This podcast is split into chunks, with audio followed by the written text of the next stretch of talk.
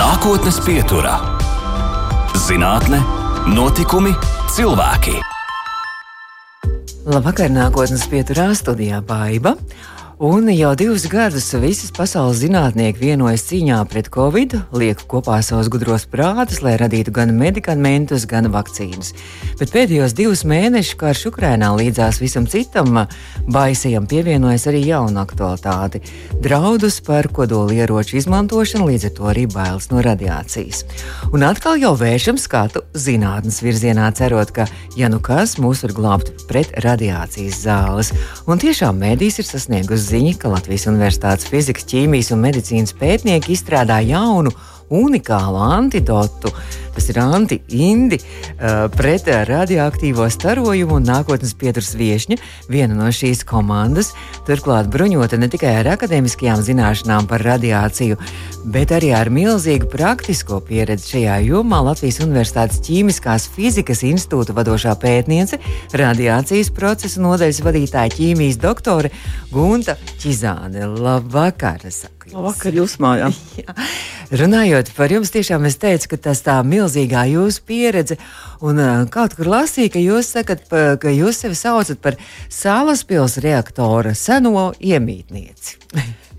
Jūs jā. tur no pirmsākumiem strādājāt. Jā. jā, ne tikai mēs strādājām. Lieta ir tāda, ka Latvijas universitātē ieradās trīs jauni cilvēki - Juris Tīliks, Zigords Grants un Valdis Kaļķis, un uzaicināja mūs mācīties kodola reaktorā. Tas ir studiju laikā vēl. Jā. Un tā mēs sākām savu profesiju, grupa, desmit apmēram cilvēki, mācīties radiācijas ķīmiju, radioķīmiju. Un faktiski arī tur izstrādājām savus diplomu darbus, savus kursa darbus, ieguvām pamatzināšanas.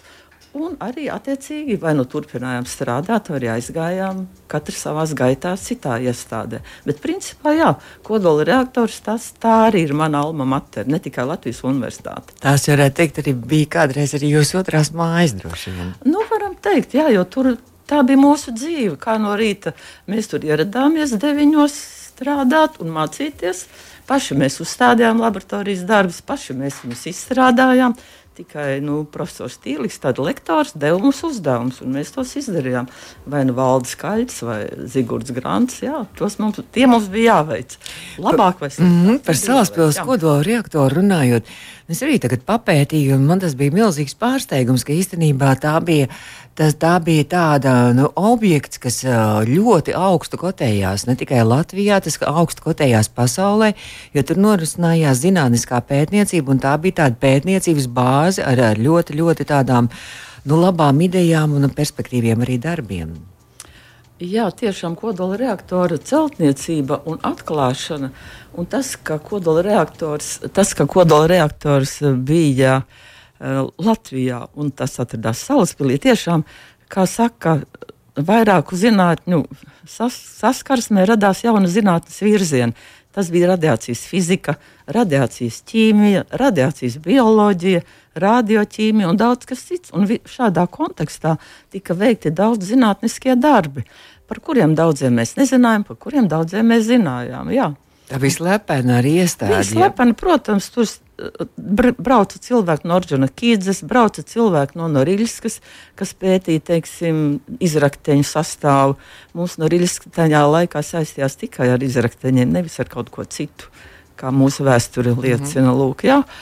Un vēl tā lieta ir, ka Salaspils kodola reaktors ir ļoti oriģināls ar to, ka bija dubultā izmantošana, bija tā sauktais gāma kontūrs, kuru zinātnieki tur piedalījās gan Valdis Gavars, galvenais inženieris, gan Dinduns, gan Elmārs Tomsons un citi krāmers.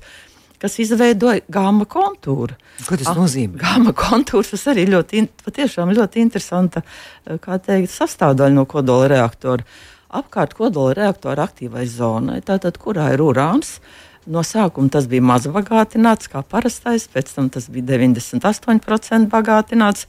Lūk, riņķo apkārt, jau sūkne apkārt, Indija galī kausējumu. Un tā, to varēja sūknēt pateicoties tam, ka fizikas institūtā atkal strādāja magnetohidrodinamiķi, kas izveidoja šādu te, uh, sistēmu. Un vēl gribētos uzreiz, lai vēlāk nepiemirstās, pateikt, ka pašreiz Fizikas institūts ir izstrādājis tādu sūkni, kas sūknē 100 litrus šķidra, litri, šķidra litija. Ja? Zināmā laikā. Ko tas nozīmē? Tas atkal nozīmē, tas ir ļoti svarīgi nākotnes kodola enerģētikai, kodola sintēzes eh, reaktoros, lūk, ja? un arī citās lietās mm -hmm. varbūt. Ja? Bet, nu, tādas lietas notika. Un redziet, un šī otrā daļa kas uh, bija ļoti aktuāli kodola reaktorā.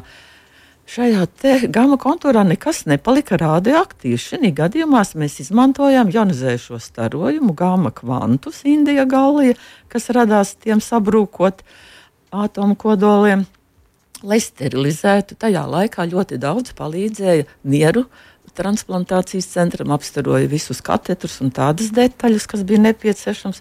Marlis saites sterilizēja daudz ko tādu. Veica pētījums arī radiobioloģijā, radiācijas bioloģijā, lūk, apstarojot tur zemenes, apstar, stādus, zemeņu stādus, rapšu sēklas, cāļus apstaroja atkal, lai papētītu, kā mainās viņu attīstība.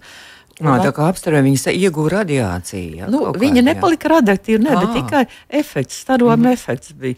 Un pētīt, tas bija atļauts tādā līmenī. Lūk, tas nebija teikt, ētikas pārkāpums. Bet pēc tam tā zemenes kāds ēda, vai tas, tas bija? Zemenes, zemenes dažādi. Zemenes atkal apstaroja, lai, to, lai konservētu viņus. Ja. Bet man atklāti sakot, nu, ne sevišķi tas garšoja. Bet ir tas lietas, kas bīstami. Ne? Nē, nē, nē, tās nav. Mm. Šī gadījumā nekas nepaliek radioaktīvs. Ja mēs runājam par neitroniem, tad jebkura neitrona, vai lēni, lēni, vai ātri, ātri, viss paliek radioaktīvs.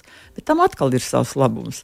Šo kodola reakciju rezultātā mēs atkal varam pētīt, kāds ir zemes izrakteņu sastāvs, kāds ir nu, nu, teiksim, dažādu produktu sastāvus apstarojot, mūsu matu, mūsu asins sastāvs. To mēs, mēs visu varam noteikt, ja šo priekšmetu apstarojam neitronos. Bet tas ir reaktora aktīvajā zonā. Tā kā Divdaļu, divdaļu reaktors ir. 1961. gadā ir dibināts šis reaktors, atvērts. Un es lasīju arī, ka, ka nu, tas tiek joprojām uzskatīts par vienu no spožākajām lapusēm tādā Latvijas zinātnes vēsturē, ka tiešām tur ārkārtīgi spoža pētnieku komanda un ārkārtīgi daudz, daudz lietu un pētījumu tādu nu, progresīvu tur arī tika veikti. Jā, protams, un viens no tiem ir, ja tajā laikā, nu, teiksim, manā jaunībā, kā individuālais dozometrs bija filmiņas, filmiņa nomilnošanas pakāpe bija kā indikators, kas pateica, kādu dozu teiksim, tu esi saņēmis kvartālā. Tas bija pasīvais dozimetrs. Lūk, tā analizē, tā kā mēs ejam plaušas pārbaudīt kādreiz ar mm -hmm. filmām. Jā, tā lūk, arī redzējām, kāda doze tur ir, tu esi saņēmis. Bet, ja tev vajadzēja Kā tu jūs, jūs filmēji? Nē, nē, nē, nē, nē. Ah. Mums visiem izdalīja ah, tādas filmiņas. Ah. filmiņas tā piespraudītas. Tās, filmiņas, mm -hmm. tās nesājām piespraustas mm -hmm. ah. pie savu ķer, ķermeņa, pie halāta. Nu, lūk, un nodevām vienreiz kvartālā. Tātad mēs zinājām, kādu dozu. Un tā tika uzskaitīta. Lūk, ja? Bet, ja gāja strādāt kādus specifiskus darbus, kad vajadzēja nu, precīzi zināt, kādu dozi saņēmuši rokas un tam līdzīgi, tad izmantoja aktīvos dozometrus. Un šī gadījumā tie bija kondensatora tipa tos uzlādēja, starojums nāca, iekļuva un izlādēja. Un to tad izmērīja. Tas bija kalibrēts, verificēts. Jā. Bet tomēr tas bija bīstams eh, šis darbs, tur nu, strādāt. Nu, saprotiet, jebkurā darbā jums arī nav vienkārši šis darbs. Ne, bet, bet, bet bīstami, es domāju par to tieši tas, tas ir riskanti ļoti. Ne, bīzi, ir jāievēro pamatlietas. Ja? Ir jāievēro pamatlietas, ja tu strādā ar radioaktīvām vielām, ja tu strādā ionizējušā starojuma laukā, ir jāievēro pamatprincipi. Jo tālāk, jo labāk. Jo aizsarga materiāls tev aizsargā, vai biezāks, vai, vai blīvāks, vai mazāk blīvs. Šeit atkal jāprot konstruēt aizsardzību. Ir. Tu nedrīkst svinu likt pirmo. Pirmais ir jāliek alumīnijas vai kāds cits vienlais elements. Un kas ir nākošais, ir trešais faktors, tas ir laiks. Jo ātrāk, precīzāk strādāsi, jo tu mazāku dozu saņemsi, darbs būs izdarīts. Bet galvenais, kas ir, tā ir domāšana. Tā ir domāšana, tā ir mūsu attieksme, tas sapratne, kā mēs to visu veicam.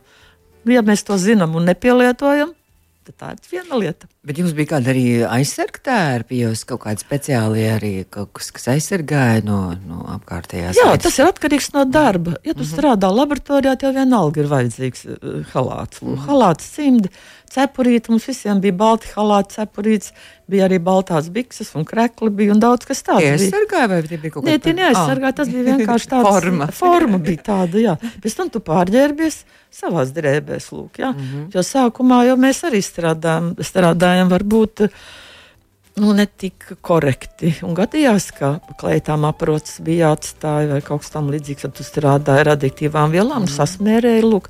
Tā tas ir katrā darbā, jau kā mēs zinām, ir savi niķi un stiķi, un kas ir jādara. Bet jūs līdz pēdējiem um, bijāt kopā ar Salaspils šo kodola reaktoru, un, un um, bija pienācis laiks, kad, uh, kad, uh, kad to likvidēja, un demontāža notika arī vairākus gadus. Kā tur bija tie iemesli?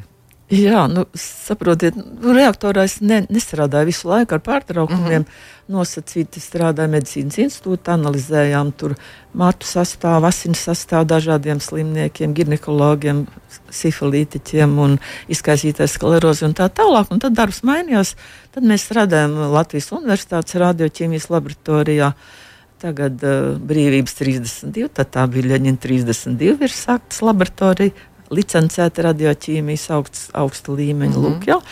Un vēl arī fakultātē bija kobalts 60 iekārta. Tas arī bija liels sasniegums Latvijā, kā tādai un Latvijas universitātē, ka mums bija tāda iekārta, ar kur varējām pētīt radiācijas dažādus efektus.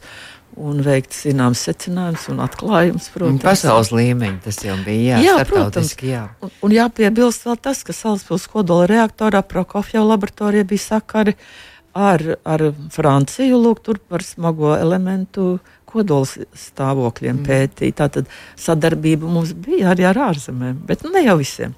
Nu, kā tad kā nonāca pie tā secinājuma, ka jāpārtrauc darbs tā ir Salaspils kodola reaktoram un jāsāk nu, demontāžu? Nu, droši vien daudz kas bija, bet nu, tie galvenie. Daudz kas bija, protams, protams tā, tas tie jūnija mēnesis, 98. gads, tas nebija teiksim, patīkams nevienam, bet nu, bija, tāds bija valdības lēmums, un bija, tas bija jārealizē, jāīsteno. Kodola, reak kodola reakciju apstādināja, ķēdes reakciju apstādināja.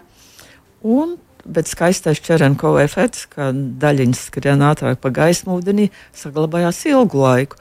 Kāpēc slēdza? Nu, tāpēc, pirmkārt, ka uh, arī tehnoloģijas bija citas, nāca citas tehnoloģijas, lūk, jā, tās bija vajadzīgas. Bija jāiepērk, nebija naudas droši vien arī. Nu, nu, žēloja, taupīja naudiņu.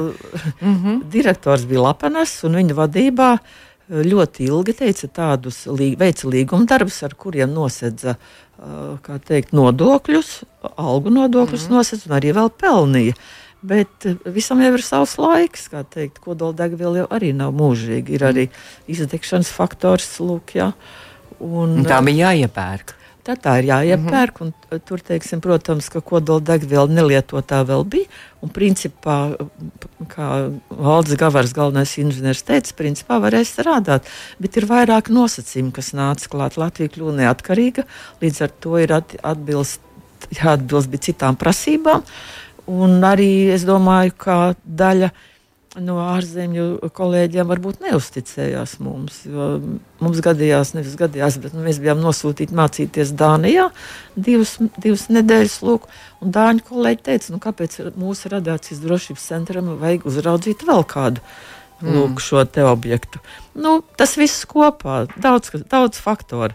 Bet, bet nu, bet vieta tā ir palikusi. Mm -hmm. jā, un, uh, tagad, teiksim, cik es saprotu, atkal esam nonākuši pie slēdziena, ka jā, jāfinišē šis pasākums. Jo mēs esam nonākuši pie secinājuma, ka ir ne, nepieciešama enerģētiskā neatkarība. Ne? Jā, Jā, jā, tas à, arī ir. Tas nozīmē, ka šobrīd, šobrīd jau atkal notiek sārunas, kā, kā šo visu var atjaunot, arī šo kodola reaktoru, lai Latvija būtu neatkarīga enerģētikas jomā. Ja? Jā, nu, mums enerģētiski jābūt, jā, jākļūst neatkarīgiem.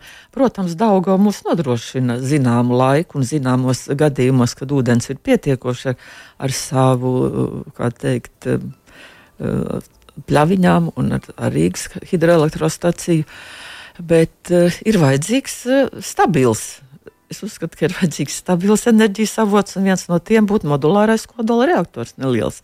Bet tas nav, nav kā teikt, tik ātri reāli mm -hmm. īstenojams. Jā. Tas nav tik ātri īstenojams, tam vajadzīgs laiks. Ir. Un droši vien arī speciālisti ir vajadzīgi izglītot, arī, kas, kas, kas šo visu var apsaimniekot un strādāt. Jā, es jums piekrītu, jums taisnība. Līdz ar to Latvijas Universitātei, Tehniskajai Universitātei, arī Stradaņu Universitātei ir daudz pienākumu. Tā tad jāsāk gatavot ir speciālisti. speciālisti. Mums jau ir pašreiz, ir, teiksim, radiācijas, radioķīmijas virziens ļoti universitāte attīstās, par cik mums ir uh, ar atomenerģijas aģentūra projekts. Un pateicoties tam, ka pandēmijas dēļ nevarēja braukt komandējumos, tā nauda ir ieguldīta aparatūrā. Un līdz ar to Elīna Pajust varēs vadīt šos jaunos laboratorijas darbus citā līmenī. Gan doktoranti varēs strādāt, mācīt arī citiem radiācijas drošības kursos. Teiksim, tas tiešām ļoti veiksmīgs eh, līgums. Tā, jūs jau laiku sākat domāt par to, ka, ka būs šie speciālisti nepieciešami un, un, un, un viņiem darbs atradīsies. Jā, Cerams. protams. Un tas vēl nav viss, ka, ka tam jaunam kodola reaktoram būtu vajadzīga, bet universitāte plāno arī jauno lielu enerģiju tehnoloģiju centru. Pašreiz iet aktīvs darbs saistībā ar rakstu māju, kas būs, kā teikt, juristiem, teologiem, literatūras mm -hmm. cilvēkiem. Lūk. Tad Un pēc tam būs tehnoloģija centrs, uz ko mēs jā. visi ļoti ceram. Jums jā. jau ir zinātnīs māja, tad rakstu māja, tad būs arī tehnoloģija centrs. Dabas zinātnes rakstu, un es ceru, ka būs arī tehnoloģijas centrs. Tam jābūt. Nākotnes pieturā - zinātne, notikumi, cilvēki. Mēs turpinām nākotnes pieturu. Mūsu viesne šodien ir ķīmijas doktora Gunta Čizāna, Latvijas Universitātes ķīmijas, ķīmiskās fizikas institūta vadošā pētniece. Un uh, jūs arī uh, pasniedzat kursus, lekcijas tieši radiācijā un radiācijas drošībā. Un tad droši vien mūsu klausītājiem arī būtu ļoti interesanti, un pat kā jums arī praktiskā pieredze ir tajā radiācijas drošībā, par to parunāt arī vispār, kas ir radiācija. Mēs tā varētu izstāstīt, jo jūs mums stāstījāt, tas, tas nav īsti tā, tā nav radiācija sliktā, tā ir labā radiācija. Starojums Jā, nu, tā tā. Starojums, starojumi ir dažādi. Mm -hmm. Jo, teiksim, mācot šo te radiācijas drošību, radiācijas drošības kursos, es nonāku pie sapratnes, ka cilvēkiem eh, starojums saistās arī, ka mobilais telefons izstaro starojumu, ka tas ir ionizējošais, to mēs varam izmērīt ar iekārtām, ar kurām mēs varam izmērīt ionizējošo radiācijas, radioaktīvo izotopu sabrukšanas rezultātā radušos starojumu, vai arī iekārtu, kas rada starojumu, tās ir rengenlampas, tie ir elektronu pātrinātāji, ciklotroni un tam līdzīgi. Lūk, ja? Cilvēkiem ir to grūti kaut kā saprast. Bet, ja mēs sākam runāt par enerģiju, siltums arī starojums ir, gaisma arī ir starojums, radioviļņi, jūsējie mm. arī ir starojums. Bet ne viss starojums ir bīstams. Jā. Nav bīstams. Mm -hmm. Nav bij, nu, nu, saprot, saprāt rošas, kā mm -hmm. lai mhm. to pasaka. Lūk, un to nosaka starojuma enerģija. Ja starojuma enerģija ir lielāka par noteiktu lielumu, ka tas spēj ionizēt, sadalīt vielu divās daļās, atraut elektroniņu un paliek pozitīvā daļa. Lūk, tas ir ionizējošais. Un tā tad.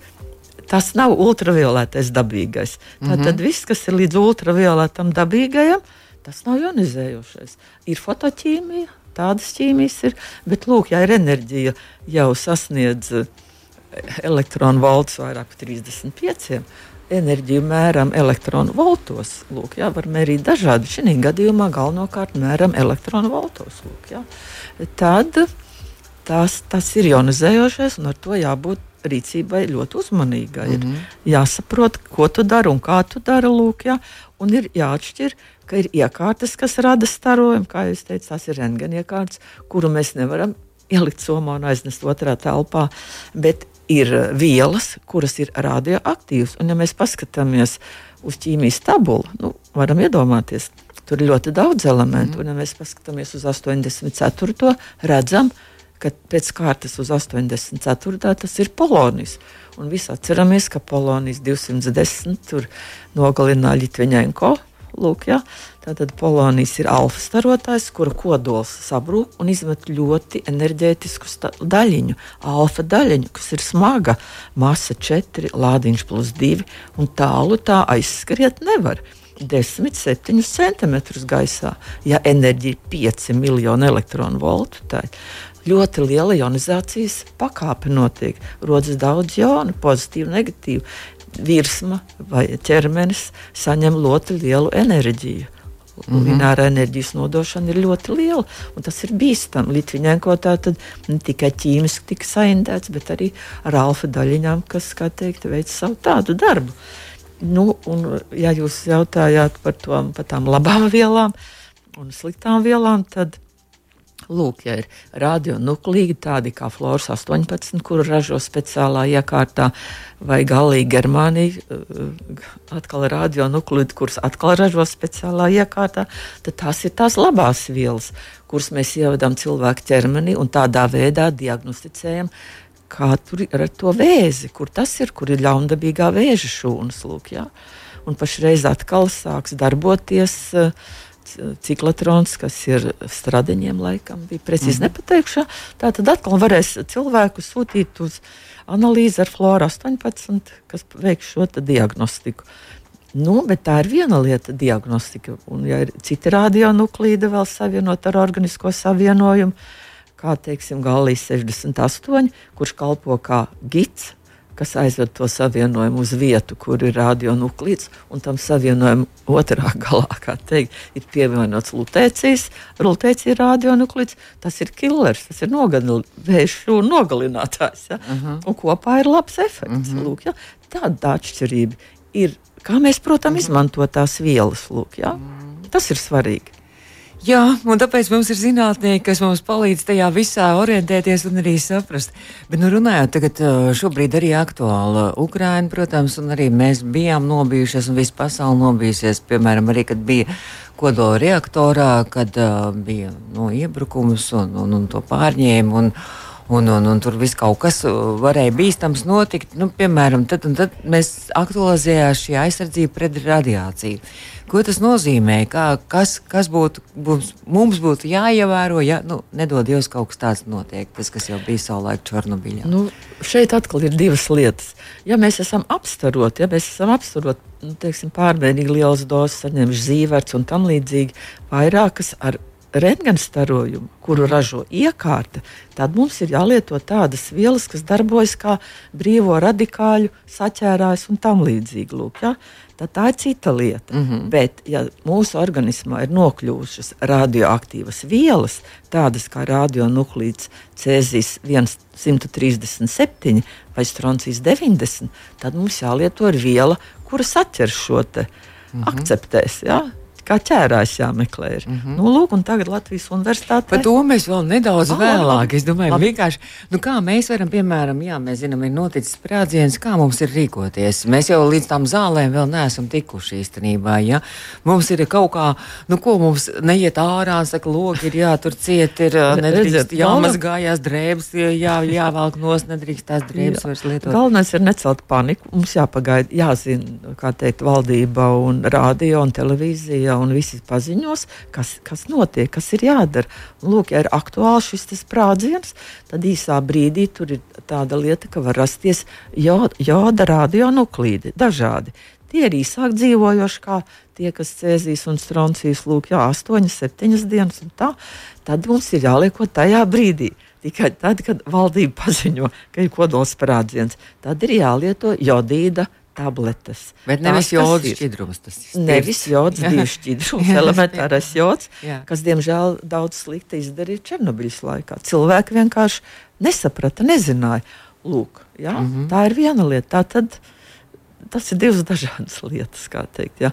Un, ja mēs runājam par Černobiļu, tad um, tās, tas, ka tur cilvēki raka šīs tranšēs, uh, teiksim, šobrīd, mums jā. nav zināms, kas tur ir, bet mēs varam teiksim, tā domāta, ka uh, tad, kad notika šī avārija, visus šos radioaktīvi piesārņotās vielas no jumta nogrūda zemē. Pēc tam saprata, ka vajag strādāt ap, ap šo drupām. Tās aizšķūrēja ar buldozeru kaut kur tālāk, apraka, ieraka. Tās arī ar alfa saturošām daļu vielām tur mm. palika. Lūk, ja? Jo tas bija kodols sprādziens tomēr. Lūk, jā. Mm -hmm. Tāpēc tie cilvēki arī, kas tagad tur raktās tranšīs, tur tā. Nu, bet labi, ja mums tagad, piemēram, nedod Dievs, tātad tas nozīmē, bet kamēr mēs vēl tiekam līdz šiem, šiem zālēm, ko lietot, nu kāda ir tā pirmā, pirmā, pirmā aizsardzība, kas, nu vēl es gribu atgriezties pie tā ah. paša, pie tiem logiem vai, vai, vai apģērba vai, vai, vai Jā. kā mums. Taisnība, ja paziņo, ka notiek šāda avārija, tad, protams, mums jācenšas ir aiztaisīt logi, jāizver, jānolīmē, jābūt ir slēgtās apjomos ūdenim, ir jābūt uzglabātam, jābūt enerģētiski nodrošinātam. Pudelē, jā, ūdens, jā, nedrīkst no akas vai kaut kur tādu no krāna arī nu, labāk. Nē, kā lai to pasaka, nu, aka, jā, tā aka ir slēgta un ja tas ir dziļurbums, tad kā no tāda droši var ņemt ūdeni. No grāna labāk nē, ja, jo, nu, jo neko mēs nevaram zināt, kur no, nonāca. Jā, jāzina atkal no mhm. kurienes dauga, no Daugavas vai no kurienes ņem šo ūdeni. Lūk, ja? Jo, teiksim, radionuklīdi jau izplatās ļoti tālu, tā teiksim, Fukušimas gadījumā arī līdz Kalifornijas vīniem tur aiz, aiz, aizgāja radionuklīdi tika konstatēta. Tas nozīmē, ka arī ne tikai ūdeni, nedrīkstamies arī kaut kāda vaļējā pārtika, kas ir bijusi tikai kaut kāda ļoti hermētiski noslēgta. Jā, protams, jācenšas ir uh, hermētiski noslēgts un jāsaprot, ka jābūt ir, nu, teikt, slēgt, slēgtai teritorijai, vairāk vai mazāk. Un jānodrošina sev ar enerģiju. Mm, bet, ja zaudēsim bet, mobīlo. Bet, bet, piemēram, nu, tad, atgriežoties pie šīs pārtikas un pie visu mhm. pārējā, mm. kas ir saindēts apkārtējā vidē, arī gaisa ir saindēts. Vai cik ilgu laiku šis, šī inde nu, redziet, uz, tas, uzglabājās gaisā, pārtika, nu, ūdenī. Tas jau atkal ir nu, teikt, saistīts ar dabas apstākļiem. Kāds tas vējš ir, no kuras mm -hmm. puses ir vējš un kā pūš, un kur tā vēja roza aiznesīs šos te, iz, nu, mm -hmm. kā teikt, tās vielas, radioaktīvās vielas, ar kuri piesārņot apkārtni. Jo Černobiļas gadījumā Latvijai laimējās, pārgāja pāri tiem mākoņiem un nokrita kaut kur tālāk Zviedrijā. Lūk, ja? Tā tā lieta, nu par Ukrajinu un par Baltkrievi nerunāsim. Tur viss tika piesārņots. Lūk, ja? mm. Bet galvenie tie radionuklīdi, kas bija ilgi dzīvojuši, tas bija tīrs betas starotājs stroncijs 90, kas ir analogs kalcijam un Cēzijas 137, kas ir arī vienā grupā ar nātriju, kāliju, rubīdiju. Ja. Mm -hmm. Tā kā, tā kā viss jāskatās pēc apstākļiem, cik ilgi šī radiācija ir. Vai tā ir taisnības lasīt, ka, ka radiācija ir arī, jūs teicāt, mobilajā telefonā, bet radiācija ir zemē, radiācija ir keramikas traukos. Uh, es pat nezinu, vēl, vēl nu, tāda, tāda priekšmeta radiācija ir zemē. Uh, Radiācija. Nē, nē, jūs esat ne? mazliet neprecīzi. Nē, nē, tas nav, nē, tas nav pareizi. Jāsaka, ka radioaktīvās vielas. À, radioaktīvās vielas. Radioaktīvās jā, jā, vielas, tad jūs mm -hmm, būsiet perfekti pateicis. Bet tas ir, tas ir viss radioaktīvās vielas. Tas nozīmē, ka mēs dzeram no keramikas vai, vai porcelāna traukiem. Nē, nē, nē. Nu, tas nu, tik trāk atkal mēs nevaram ne? runāt, jo tur ir glazūra un, un, un tā difūzija, to radioniklu difūzija šķīdrumā, kafija, ka tu ielē un cik minūtes mm -hmm. mēs dzeram kafiju ne jau, gad, ne jau gadiem to krūzīti mēs darām. Tā radionuklīda difūzija no, no keramikas krūzītes šķīdumā nenotiks tik ātri. Mm -hmm. Difūzijas koeficients ir ļoti, ļoti iespaidīgs. Bet varbūt pēc kāda laika tā krūzīte jāmet ārā? Ne? Nē, nemetīsim. Jo atceramies, tas, kas ir zemē, tas ir augos, tas ir visos pārējos kustoņos. Un tajā skaitā arī cilvēka. Mēs arī esam radioaktīvi. Mm. Mēs arī saturam visas radioaktīvās vielas, kas ir dabā, kas ir gaisā. Bet mēs neizstarojam radiāciju. Nu, tad, jā, mēs izstarojam, protams, bet tad, lai to samērītu, mums jābrauc kaut kur uz speciālu iestādi, kur ir apakšzemes e, e, detektori izvietoti. Mums apkārt apliks daudz, daudz detektorus un reģistrēs, cik daudz mēs saturam. Jā. Ar vien trakāk kļūst. Nē, nu kāpēc? Tieši, tieši precīzāk mēs kļūstam. Bet uh, runājot par radiācijas monitoringu, Jā. tas gan notiek Latvijā. Ja? Nu, tas visā pasaulē notiek. Mm -hmm. ja mēs, uh, mums jau Latvija arī interesē. Jā, nē, nē, nē, mums arī, jā. nē mm -hmm. tas ir par maz. Ne, mums ir jāzina, mm -hmm. kas notiek pasaulē. Jo Latvijā ir uh, ātrās reaģēšanas stācijas vairāk kā 15 dažādās vietās. Tā skaitā arī uz Salaspils kodola reaktoru ieejas ir. Tā tad, bet tur tikai ir cita detektēšanas metode, tāda nopietna. Tā, tas vai nu ir pusvadītāji vai simts ventilācija detektors un nosaka ne tikai gāmas starojuma dozes jaudu gaisā, bet ir, kur analizē arī aerosols, kur analizē arī ūdeni. Daugaupils pusē, tur, kur ir Ignalīna vēl no tiem laikiem. Tā tā Ir tad, tas līmenis ir normāls. Mhm. Jā, viss ir pagaidām jāsako to, ko, tas, ko saka radiācijas drošības centrs. Un tas ir saistībā, mēs varam iet arī internetā un uzrakstīt fona dozes jaudas, monitorings un izlaiks Tā, visā Eiropā. Jā. Tagad tiek sekots drošībai un un šai lietai. Jā, viss tiek, tiek sekot līdzi. Jā. Nākotnes pieturā. Un mēs turpinām nākotnes pieturu šo raidījumu arī audio saitē. Pēc tam varat arī noklausīties arī mūsu mājaslapā, arī lielākajās podkāstu vietnēs Gunta Čizāne, ķīmijas doktore ar ļoti daudziem tituliem. Latvijas uh, universitātes, uh, tūlīt tās atcerēšos arī šo sarežģīto nosaukumu. Ķīmiskās fizikas Jā, ķīmiskās fizikas institūta vadošā pētniece ir mūsu studijas viesņa. Tad, uh, Gunta, jūs arī ķīmiķi, fiziķi, uh, medicīnas speciālisti universitātē šobrīd strādājat pie šī jaunā preparāta, antidota, kas ir tāda pretinde radiācijai. Jā. Tiek izstrādāts. Ar ko tas būs unikāls un arī īpašs, un kā norit šis process? Kā jau es teicu, ja, ir jācīnās pret brīviem radikāļiem, kas var rasties organismā, starojuma ietekmē. Un, ja gadījumā ir organismā nokļuvušas radioaktīvās vielas, tad mums ir jāmēģina ātri no viņām tikt vaļā. Lūk, ja. Un tādam nolūkam, tātad saistībā ar vienu citu projektu, tas bija saistīts ar radionuklīdu izdalīšanu no radioaktīviem ūdeņiem, mēs sākām domāt arī Andrēs Grīnbergs, Ingūns Reinholds, Kristīna Sāleniece, Artūrs Vīgsna un studenti. Lūk, kā varētu palīdzēt cilvēkiem šī gadījumā, ja tie radionuklīdi ir nokļuvuši organismā? Cēzis- būtu kāds medikaments? Jā, kas, kas, varētu, kas varētu palīdzēt? Un tā, lasot literatūru un iedziļinoties dažādās lietās, citās, nonācām pie secinājuma, Andrēs Grīnmēns atrada un Uģis Es- Esmons vēl tur un citi sāk strādāt, sintezēt Prūs, Prūsijas zilo. Zilo, ja, Prussian Blue. Lūk, ja. tā, tā ir sena viela, jau sintēzēta jau pagājušā gadsimtā. Jau. Un tā, bet sapratām, ka šī viela ir, uh, un ir pārdošana arī citās valstīs, tikai ar citiem nosaukumiem, Lūk, Krievijā un Vācijā. To var iegādāties tieši, lai cīnītos, lai sorbētu cēzis 37 radionuklīdu. Bet mēs sapratām, ar to ir par maz. Nu, visi kopā Un runājot. tādas citas kaitīgās vielas. Vajag ir arī citas, lūk, jā.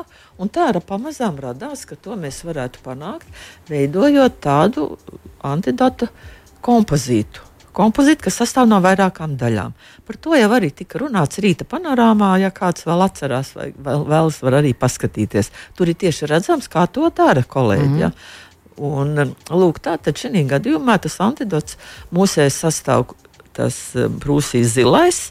Tad ir uh, mums tāds pektīns, viens ir, kas tur nodarbojas arī ar šo vielu iekonservēšanu. Ja? Un vēl arī ir nanodaļiņas ogles. Ogles formā neteiksim, bet ogle kalpo kā atkal kā nanodaļiņu sorbents. Ja? Jo nanodaļiņas- aktīvā ogle. Jā, aktivēta ogle, bet tā ir mazliet citādāka mm. ogle. Jo Ja- aktīvā ogle arī ir antidots. Arī, jā, Jā, laikam ir, ogle, jā. ogle mm arī, ja mums ir mm dažādas problēmas ar gremošanu, mm tad jā, oglīte. Bet tad, lūk, mēs, saprat, mēs pratām, un ne jau es, bet mani kolēģi prata izveidot lūk, šādu te kompozītu materiālu no vairākiem materiāliem, kuru tad ievieto kapsulā. Lūk, jā, un tas ir jālieto, teiksim, avārija notikusi, jālieto ir kā teiksim, stundu iepriekš, pirms nu, tas tā grūti ir no- novērtēt, bet ir jālieto. Kā teikt, tukšā dušā, līdz skrien cauri kuģim, kuģim un nokļūst lūk, 12 pirkstu zarnā. 12 pirkstu zarnā lūk, šis kapsuliņš šķīst, un tās vielas tiek satvertas, radioaktīvās vielas. Un tālāk jau mēs esam, varam atbrīvot sev organismu no šīm vielām. Tas nav, tas nav vienkārši darbs, ir daudz mm -hmm. faktoru, kas tur ir jānoskaidro, gan stabilitāte laikā, jānoskaidro lūk. Jā.